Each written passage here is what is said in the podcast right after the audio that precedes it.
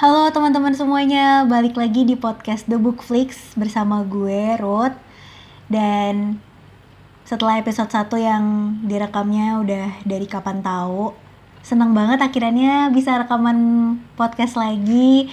Dan hari ini gue nggak sendirian, gue akan ngobrol-ngobrol tentang film yang pastinya seru dan ditemenin sama salah satu temen gue yang pas di episode 1 dia juga ikut rekaman siapakah dia? Ya. dia udah di sini sama gue sekarang. Hai Gita. Hai, Asik.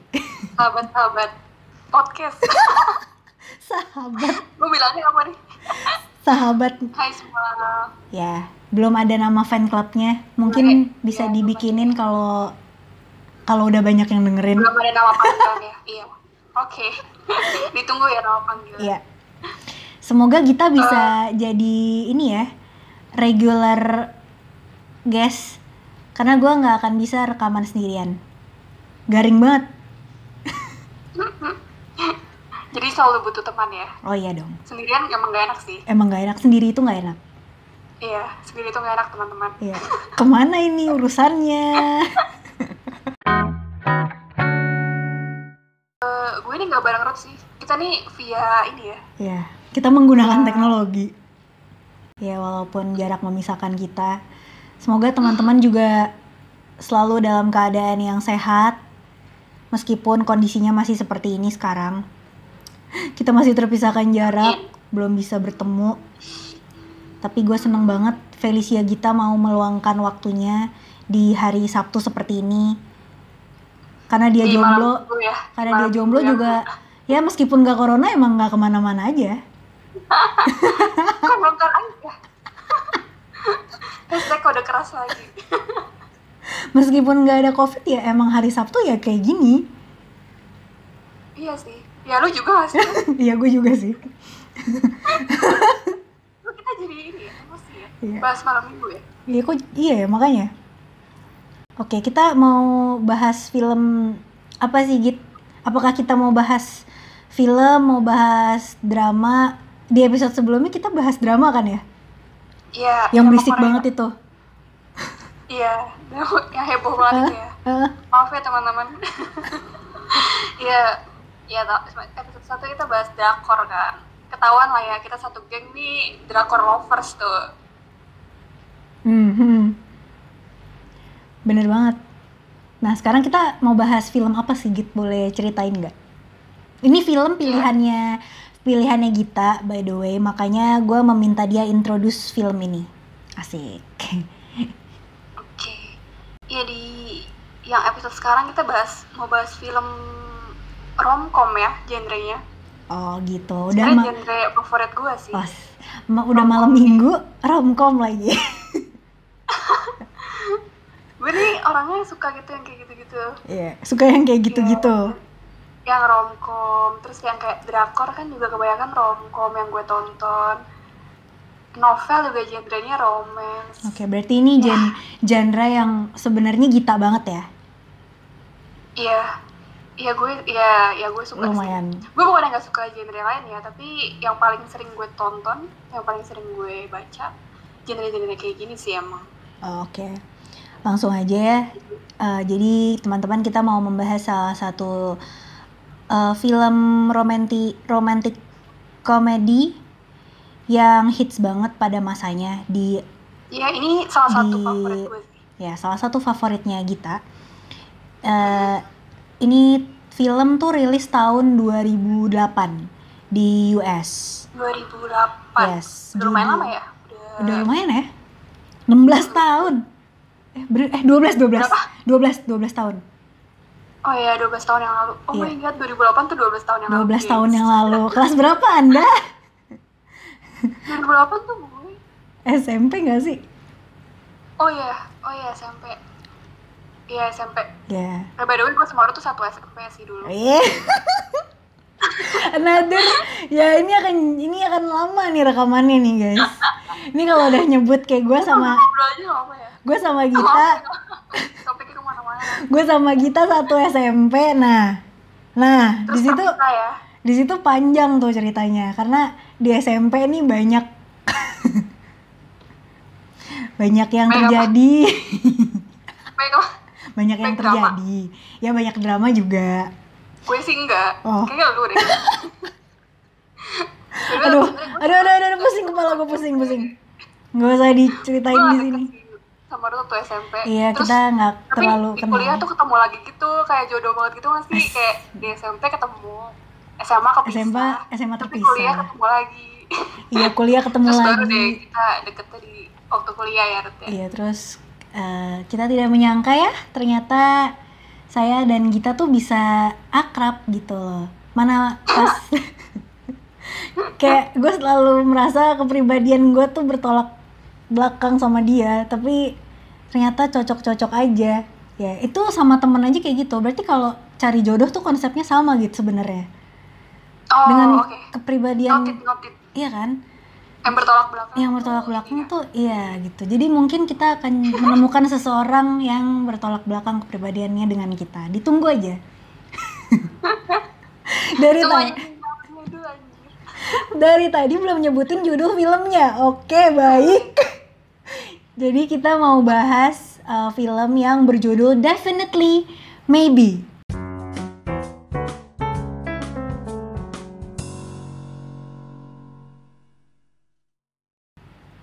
Definitely maybe yes.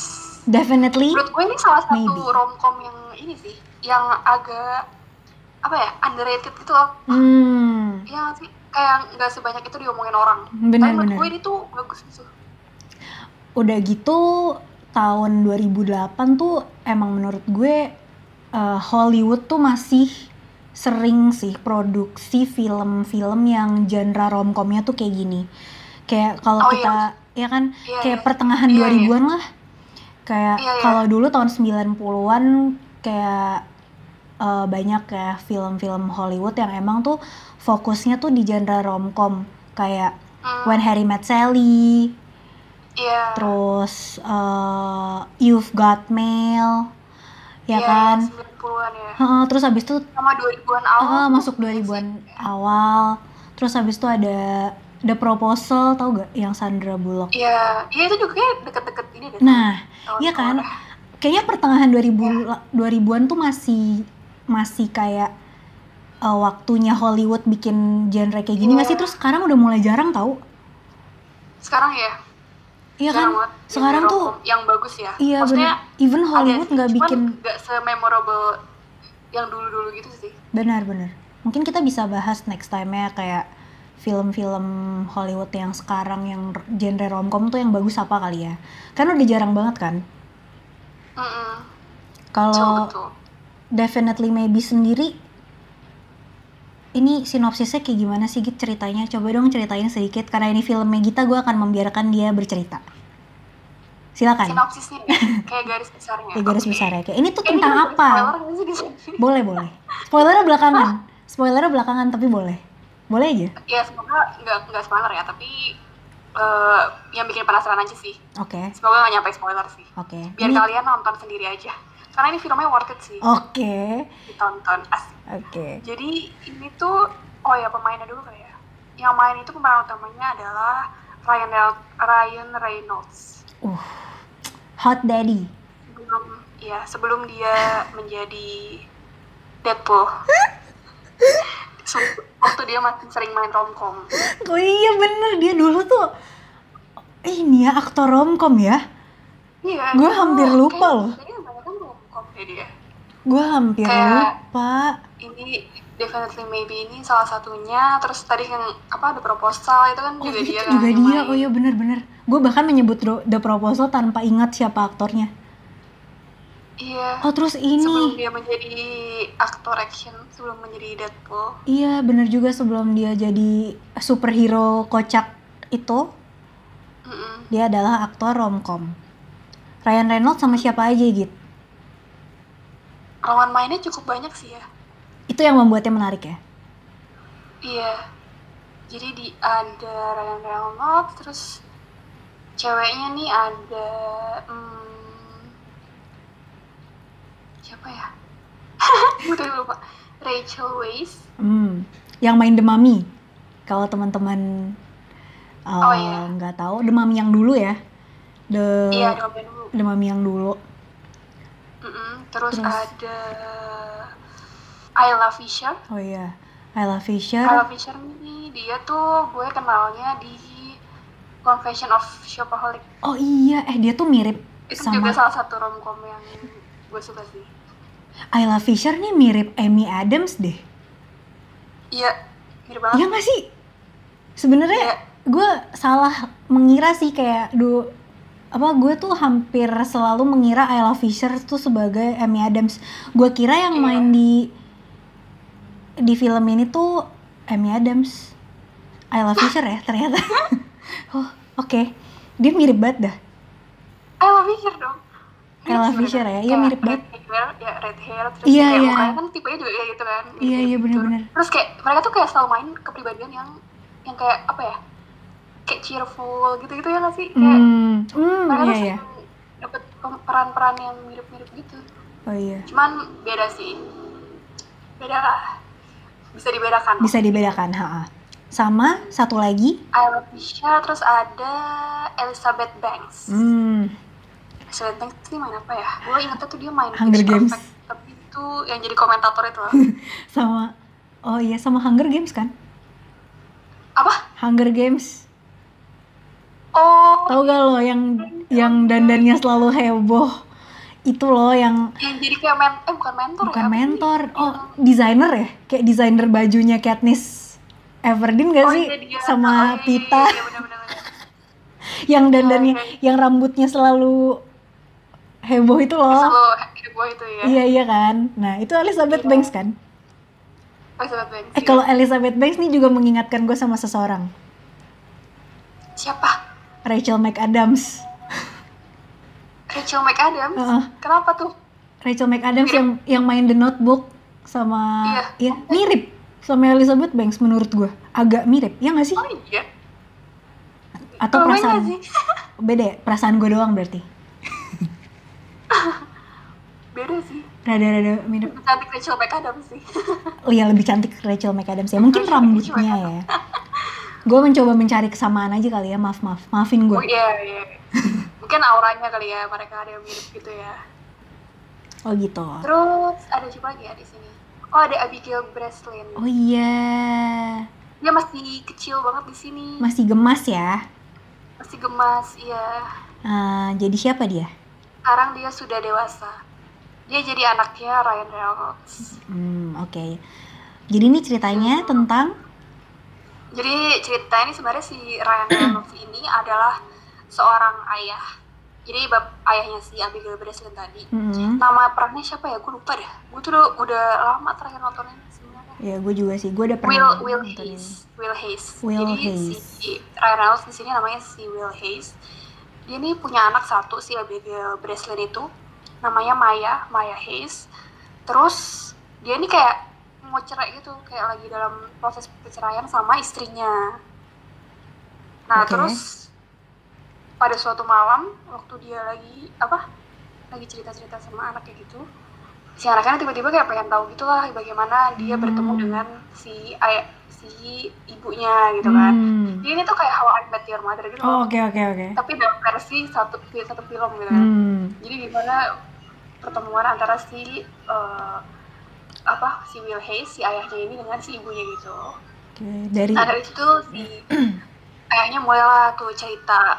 Nah si dalam cerita, jadi tuh dalam cerita percintaan si ayahnya ini ada tiga cewek gitulah yang yang menurut dia paling berkesan gitu dalam kehidupan dia. Hmm. Nah tiga cewek itu yang tadi itu si siapa Rahel Weisz, terus si Ayla eh, Fisher. Ayla Fisher, sama sama siapa Elizabeth Banks. Elizabeth tadi. Hmm. Banks. Mm-mm Oh, oke. tiga cewek itu Nah, terus kayak ya gitu lah jadi kayak di sepanjang film tuh kita nebak-nebak gitu siapa ya kira-kira dari tiga cewek ini yang adalah si ibunya si Maya ini Oh, itu sih ceritanya Oke. intinya ya oke. Kalau nggak salah si Will Hayes ini pas nyeritain tentang eh, bagaimana pertemuan dia sama ibunya dan cewek-cewek yang berkesan di dalam hidupnya itu ke si Maya nggak nyebut Hmm. namanya juga kan ya kayak namanya disamarkan gitu kan ke Ya, dia terus namanya anaknya disuruh disamarkan, betul. anaknya juga Kayak nama disuruh asli. nebak ya kan nanti kamu tebak ibu Hmm. kamu yang mana gitu kan Iya. Jadi sebenarnya dia nih tahu ibunya namanya siapa yang mana, tapi mah- cuman dia kayak menyamarkan gitu lah di benar dalam ceritanya gitu si benar Willnya ini. menarik Iya. Biar kan anaknya tuh nggak tahu yang mana yang ibunya dalam cerita itu gitu. Hmm. Seru sih. Seru Dan sih. kayak ketiga cewek ini tuh punya karakteristik sendiri gitu loh. Hmm. Dan menurut gue kayak tiga-tiganya tuh waktu gue pertama kali nonton tuh nggak bisa nebak gitu kayak yang mana nih. Soalnya tiga-tiganya kayak berkesan gitu sih menurut gue. Hmm. Di situ ya yang, yang menarik ya. kalau baru pertama kali nonton pasti kayak ikut nebak-nebak gitu ya siapa sih eh, Mm-mm. ibunya si Maya gitu kan Iya. Kalau yang suka drakor ya kayak nonton reply series gitu tau gak sih? Eh, oh iya bener juga bener juga pantesan gue Iya. kayak kok gue familiar ya jalan ceritanya sekarang bener gak sih Iya, yang kayak bener sih siapa ini ya nih siapa gitu. tapi gue yakin Oh, kayak kayak semuanya tuh potensial gitu. ya ya, gue yakin tapi kayak reply series nih pasti eh terinspirasi ya dari film-film ho- film-film yang udah ada lah gitu pasti Iya. menjadi inspirasi gitu karena ini tuh kayak ya Hollywood tuh emang gudangnya ini gak sih eh romcom klasik gitu loh sebenarnya Mm-mm. yang kalau Iya. yang kalau kita tonton berkali-kali sih sebenarnya emang ceritanya gitu-gitu aja gitu gitu-gitu aja gitu gimana ya kayak kayak maksudnya gini Breakfast with Tiffany's Mm-mm. itu kan yang terkenal banget tuh Audrey Mm. Hepburn Iya. tapi sebenarnya be aja nggak sih jalan ceritanya sekarang Oh iya, Kak. Ya karena banyak yang sebenarnya ceritanya modelan kayak gitu juga gitu ya. ya benar tapi itu original gitu pada masanya gitu Hmm. maksud gua Oh iya iya iya iya, iya. Paham, paham, paham. gitu Iya. Gitu. oke jadi eh, kira-kira karena ini film pilihannya Gita sekali lagi gua highlight karena ini film pilihannya Gita scene mana sih yang paling Gita suka adegan mana dari film ini yang paling lo suka gitu Hmm, iya, bagian yang paling lo suka, scene yang gue paling lo suka. suka. Soalnya jalan ceritanya sendiri sih. Kayak yang tadi gue bilang ya, ini kan kayak jadi menebak-nebak gitu kan. Sama siapa nih endingnya gitu. Oke. Terus kayak pa- tiga-tiganya ini potensial kok. Mhm. Soalnya jadi si Elizabeth Banks, Mm-mm. di sini nama samarannya adalah si Emily gitu kan. Si Emily ini nih ceritanya adalah eh, long time girlfriend-nya si Will. Jadi kayak pacarnya selama dia kuliah gitu lah. Mm-mm. terus eh Willnya kerja udah lulus dia kerja terus dia pindah kan ke New York Mm. terus eh pindah ke New York terus dia kerja dia jadi dia politisi gitu masih ceritanya Iya. Kayak kerja di pu- eh, firma politik ya? iya eh, Eh. apa sih di tim kampanyenya Iya apa iya gitu. iya. Benar-benar kayak salah satu tim sukses gitu ya. ya dia nih si Will nih kayak tipe yang ambisius gitu loh jadi kayak dia nih pengen pengen banget gitu kan kerja di politik terus di apa jadi apa eh, tim kampanye si presiden ini terus dia pindah ke New York nah di sini dia ketemu lah tuh dua cewek itu lagi dua cewek baru ini nih si si Ayla Fisher dia ketemu Ayla Fisher Ayla Fisher nih ceritanya namanya di sini April nama samarannya April Mm-mm. terus dia ketemu Ayla Fisher ini di tempat kerjanya dia jadi apa sih Ayla Fisher nih fotokopi girl gitu lah jadi kayak Hmm. rekan kerja ya gitu terus satu lagi si siapa tadi Ra- Rachel Weisz Rachel ya. Weisz. di sini nih mm, di sini kan nama samarannya Summer dia gue agak lupa dia tuh ketemunya awalnya gimana ya pokoknya si Rachel Weisz ini cewek yang independen wanita karir yang sukses gitu terus dia ini kerjanya jurnalis kalau nggak salah Ah, gue juga Jurnalis Iya, di koran gitu gue juga paling lupa sama ceritanya Rachel Weisz sih. Iya dia yang paling gue cuma inget dia pacaran sama profesor tuh Oh iya. Iya iya itu adegan yang tidak Scandalous terlupakan gitu ya. itu scandalous sih. Padahal dia cewek sukses, iya Mm, mm, mm. Tapi Tapi kan pacarnya dia pacaran sama pembimbing itu dia pembimbing tesis Oh atau apa iya, gitu. pacaran sama profesor pembimbing tesisnya yang udah tua gitu kan. iya Jadi kayak, Ngaco. Hmm. dia nih wanita sukses independen tapi ya gitu hidupnya kayak gitulah scandalous dan Scandalous. sebenarnya ya iya gitu eccentric gitu ya Oke. gitu tadi apa bagian yang paling gue suka ya Hmm. Scene mungkin ya, scene. sebenarnya di bag aduh sebenarnya bagian kesukaan gue tuh di ending sih ntar gue takut spoiler nih mau bilang Oh, oke. Jadi lu nggak mau spoiler nih ya? Nggak apa-apa sih. gue coba gue coba menceritakan tapi semoga nggak spoiler ya Nggak apa-apa sih, dikit aja. Ya terus gue maksa. Hmm, jadi ya di akhir kan akhirnya si siapa si anaknya ini kayak bisa nebak gitu lah nyokap gue yang ini gitu kan Hmm, Oke, mung- mungkin lu nggak perlu sebut siapa ceweknya sih. kenapa Lu nggak perlu sebut siapa ceweknya kalau nggak mau spoiler. iya ya pokoknya dia akhirnya bisa nebak dari si tadi Emily April sama Summer nih siapa gitu emaknya si Abigail Breslin ini kan Hmm.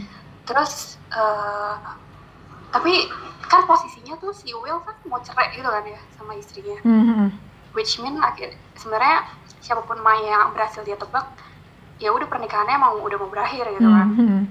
nah, dikirain kan emang ya udah ceritanya tuh berakhir gitu sampai situ akhirnya cuman kayak anaknya berhasil tebak gitu siapa emaknya akhirnya si Maya nih udah tahu nih siapa emaknya dari tiga cewek itu tapi kan pernikahannya tetap akan berakhir nih udah mau cerai soalnya si bapaknya sama si ibunya siapapun dia gitu kan dikirain kan udah gitu ya ceritanya nyampe situ tapi ternyata enggak ternyata di situ tuh kayak masih ada rancen lagi kalau ternyata setelah si bapaknya ini cerita ke anaknya kayak jadi sadar gitu siapa sebenarnya cewek yang selama ini tuh tetap masih tetap dicintai Ah. gitu lah intinya Mas, si Pas- bapaknya ini masih in love nih sama si cewek ini tapi dia kok nggak sadar gitu kan nah itu tuh yang sadar tuh si anak kayak gitu itu kayak Oh Gimana iya, itu kayak jadi selama Iya. si Will Hayes ini nyeritain ulang kisah cintanya tuh dia jadi kayak ya, kebawa perasaan lagi kali ya kayak oh my god ternyata selama ini tuh gue masih cintanya sama cewek yang ini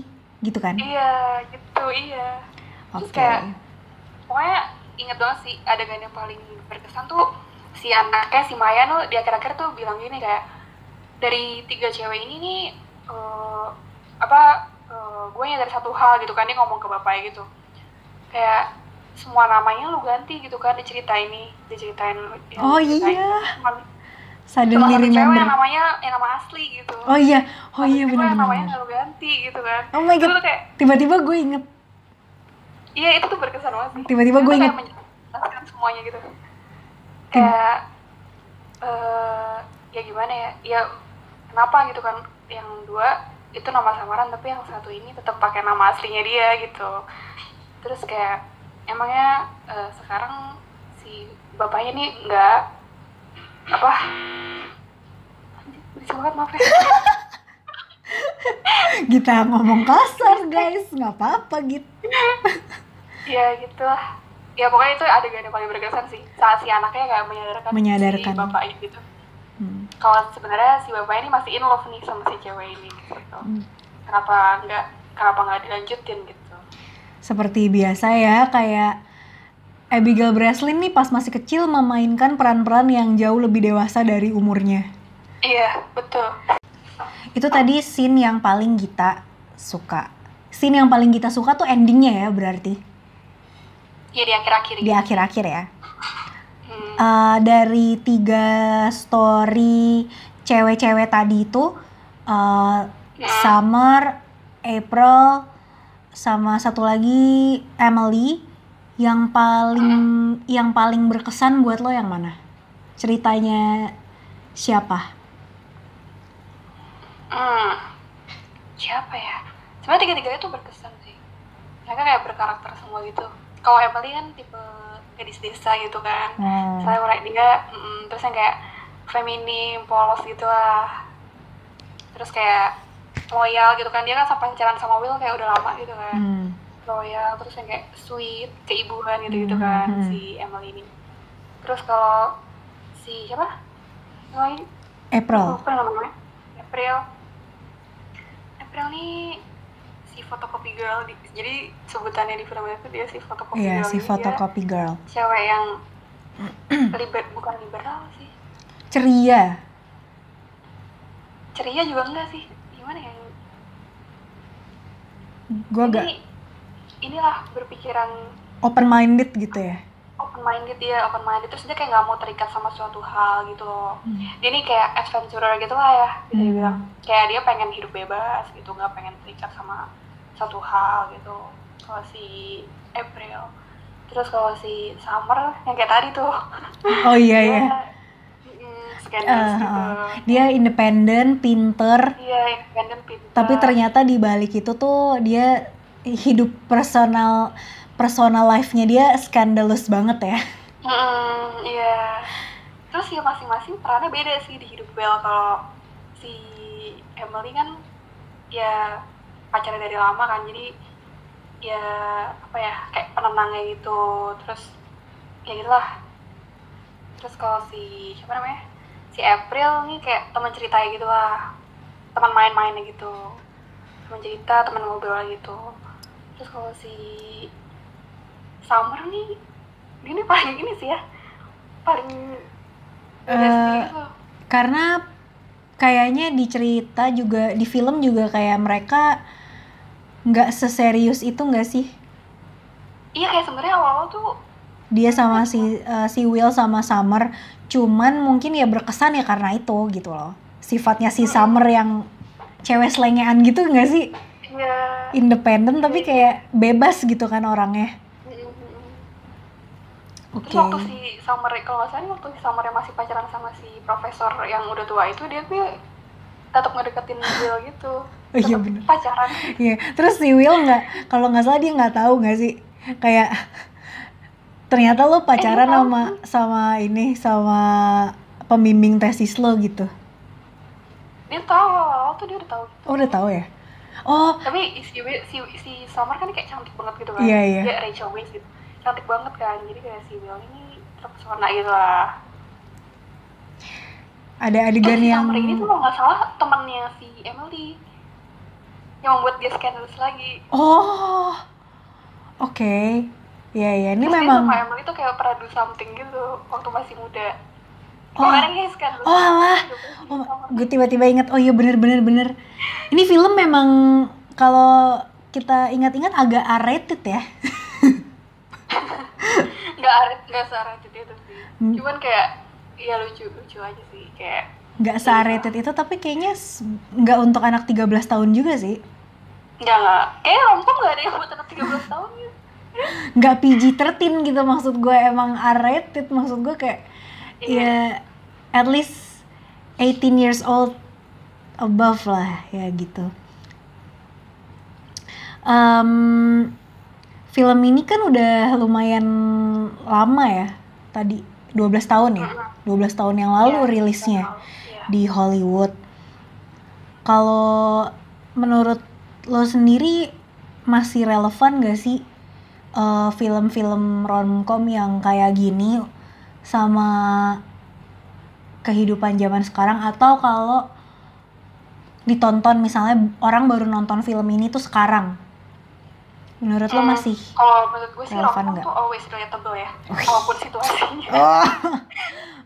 emang dari peng- pecinta romcom demikian Ya rongkong tuh apapun situasinya tetap relatable soalnya kayak ya ya, ya sebenarnya gitu cerita gitu gitu aja sih nggak ada perubahan yang gimana banget. Cuman ya kalau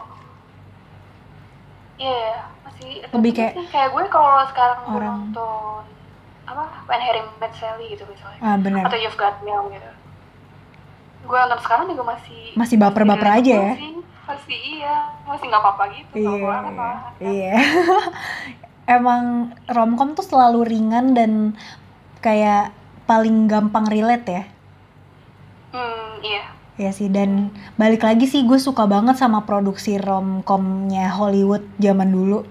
Karena sekarang tuh kayak Hollywood tuh lebih sering produksi film yang apa ya? Yang mereka tuh kayak kayak kayak gimana ya? Kayak kayak bukan romcom sih. Lu inget gak sih kayak berapa tahun belakangan tuh kayak Hunger Games, terus Hmm. abis itu ada Maze Runner, terus Divergent. Iya, yang mau iya iya iya. iya. Nah, terus kayaknya mereka tuh nggak terlalu fokus sama film-film yang seringan romcom lagi gitu. Iya udah jarang ya. Ya, terus Karena beberapa romcom juga banyak kan kayak di Netflix gitu masih. Iya, Kayak bener. Di apa? Netflix. Di iya di Netflix Hulu gitu-gitu loh. Oh, Maksudnya iya, nggak iya. di nggak nggak di layar lebar lagi gitu, nggak di bioskop lagi. Kayak banyak kan tuh di apa sih a- apa streaming Oh, streaming apa streaming ya? site. iya kayak kayak streaming saja ya kayak Iya, benar-benar. Netflix Hulu Amazon gitu Oh iya. romcom sekarang banyak kan di situ sih Tapi gue seneng banget tahun lalu kita nonton film romcom Hollywood di bioskop, inget gak lo? Apaan? iya. Itu sama lo? Christmas ya? Yes, itu sama lo kan ya? Sama Iya. salah satu teman kita lagi nonton Last Christmas dan itu itu kayak udah lama banget gak sih?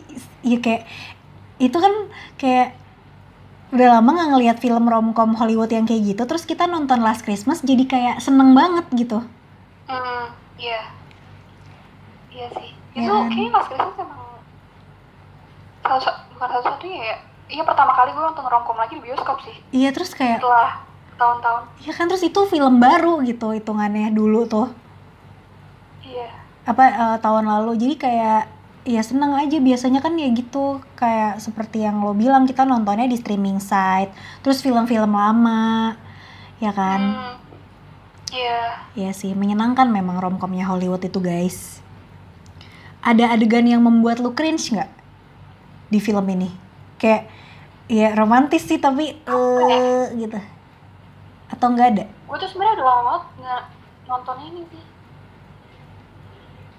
Ntar gue ingat-ingat dulu ya. by the way Ada sih nggak ya? Kayaknya nggak uh, Hmm, nggak ada ya kalau nggak ada yang bisa gue inget sih sebenarnya.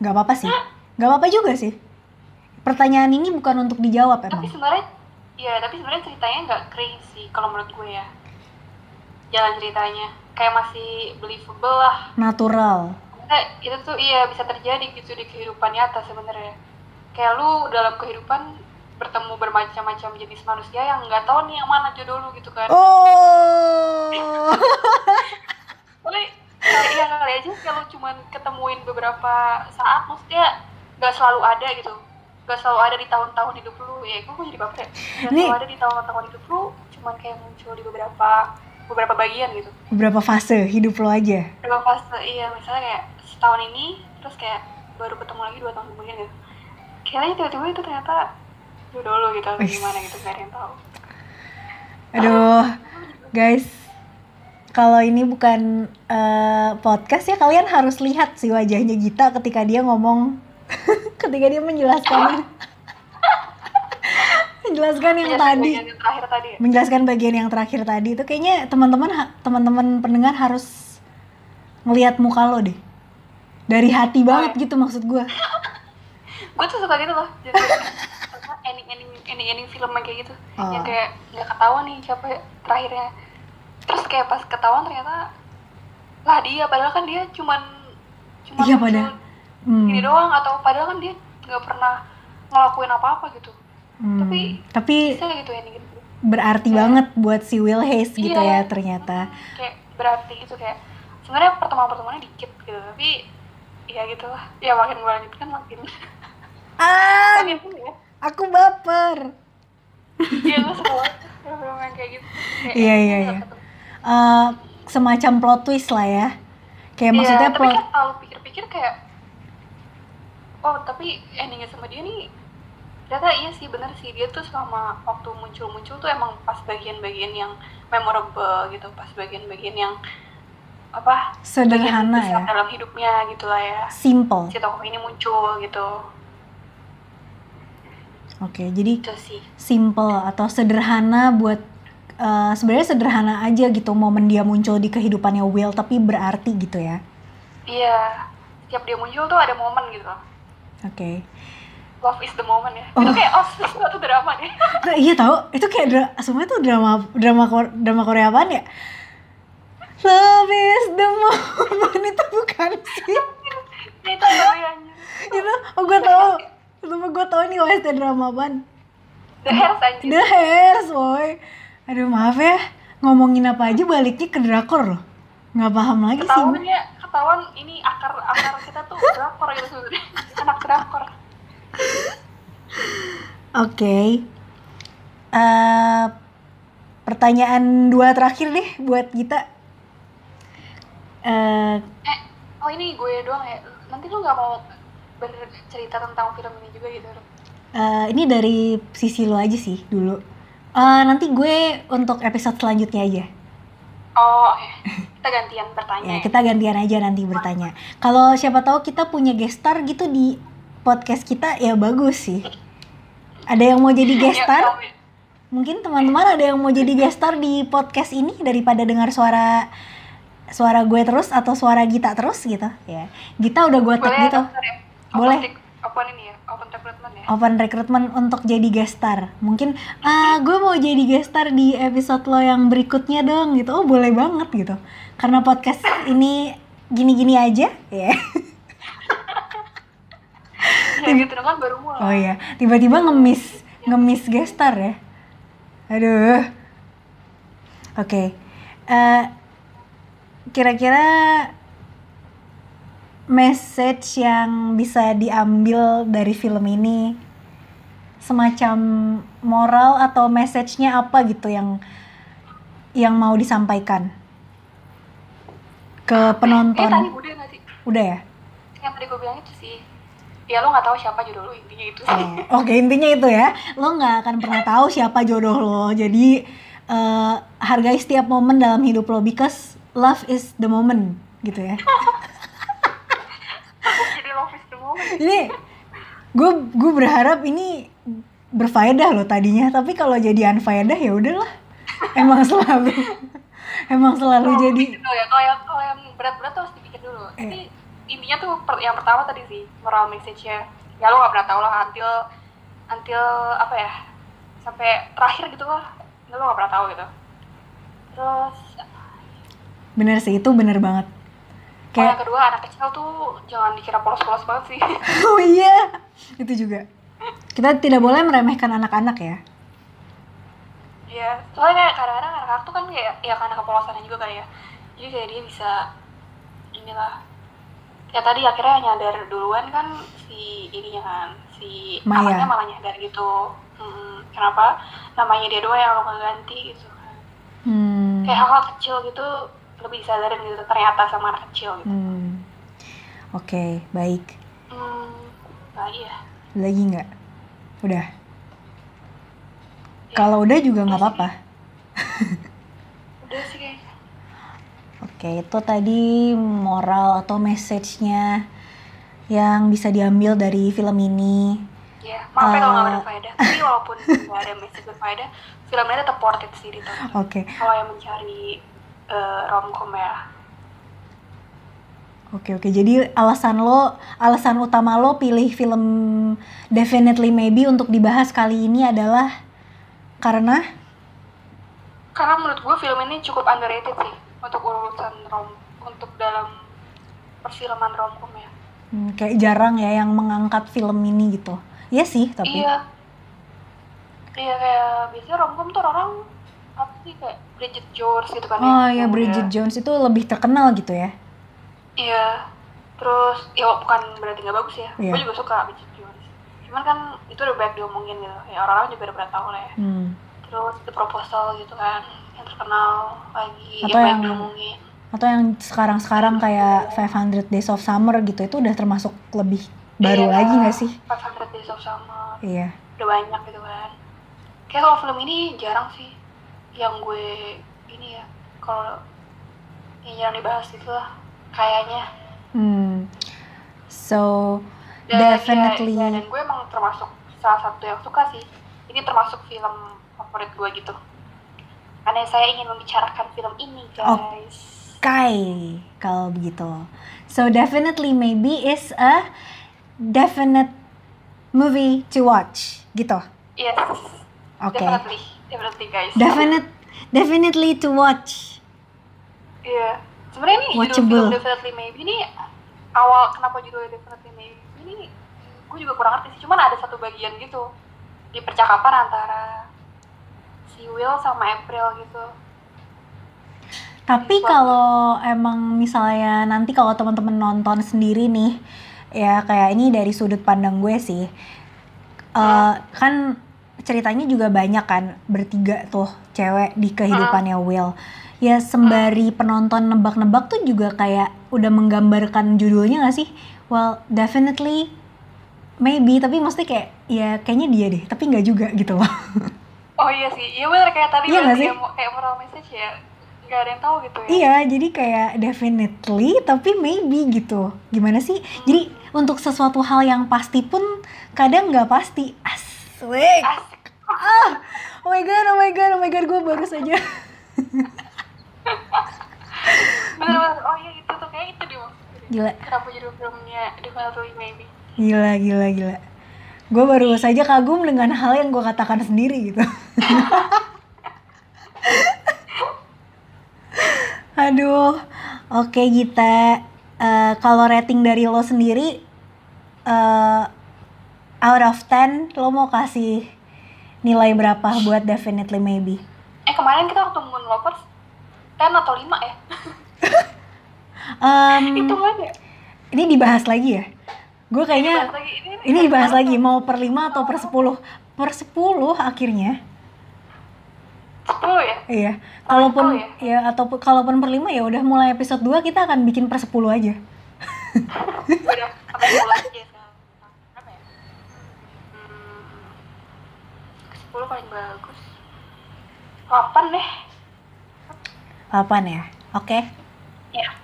Oke, jadi 8 tuh udah bagus menurut gue iya sih. Jadi kalau bagus tuh Bener-bener. menurut gue 8, 10 tuh udah bagus Bener-bener. Kayak di sekolah aja, gengs 8, 9, 10 tuh nilai bagus 7 tuh Kalau tujuh lumayan loh. standar lah. 7 standar loh lumayan. Tapi ya eh, film kayak kebanyakan kebanyakan s- website critics gitu, apa sih namanya? Website movie critics tuh kayak IMDb atau Rotten Tomatoes. Mm-mm. Itu mereka lumayan kejam tau kalau ngasih kalau ngasih Iya. rating menurut gue. Hmm. Nah, menurut Iya sih kayak Apalagi Rotten Tomatoes ya. Iya, apalagi Rotten Tomatoes dan di Rotten Tomatoes tuh bisa dapet 65% tuh udah bagus. Menurut gue kayak kan karena mereka jarang banget ngasih nilai segitu gitu. Kebanyakan kayak buat romcom yang romcom yang B aja tuh mereka bisa di bawah 50% loh. Cuman kemarin gue lihat Definitely Maybe ini 70% di Rotten Tomatoes. Oh, lumayan ya Berarti kan itu lumayan banget kan? Kayak itu berarti it's an art gitu loh. Ini mm, film ini tuh karya seni guys gitu. Iya sih. Tapi biasanya emangnya sih, gue tuh biasanya kalau ngeliat ini ya Film-film yang genre romcom gitu ya Jarang sih yang dapat nyampe 50% lebih dari Rotten Tomatoes ya Iya kan mereka pasti Kalau ngasih genre nilai, romcom. eh, ngasih nilainya tuh kayak bintang 3 atau enggak nggak nyampe 3 bahkan bintangnya. Terus kayak di bawah 50% gitu.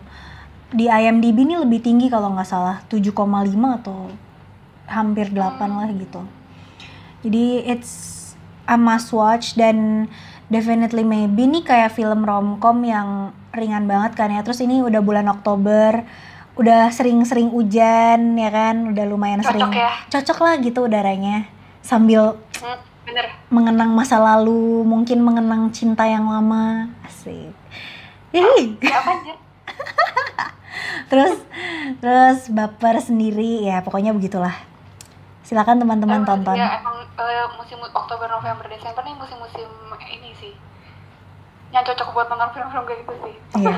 Itu Gue tuh mulai mencari film-film kayak gitu kalau bulan-bulan. Iya, mulai-mulai ya sampai Januari lah ya masih loh.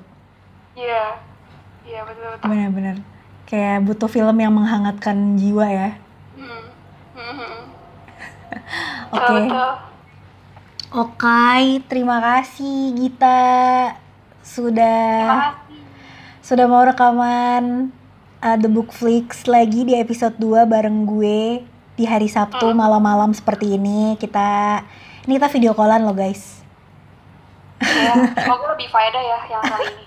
Sem- ya semoga kali ini lebih berfaedah ya daripada obrolan yang di episode sebelumnya.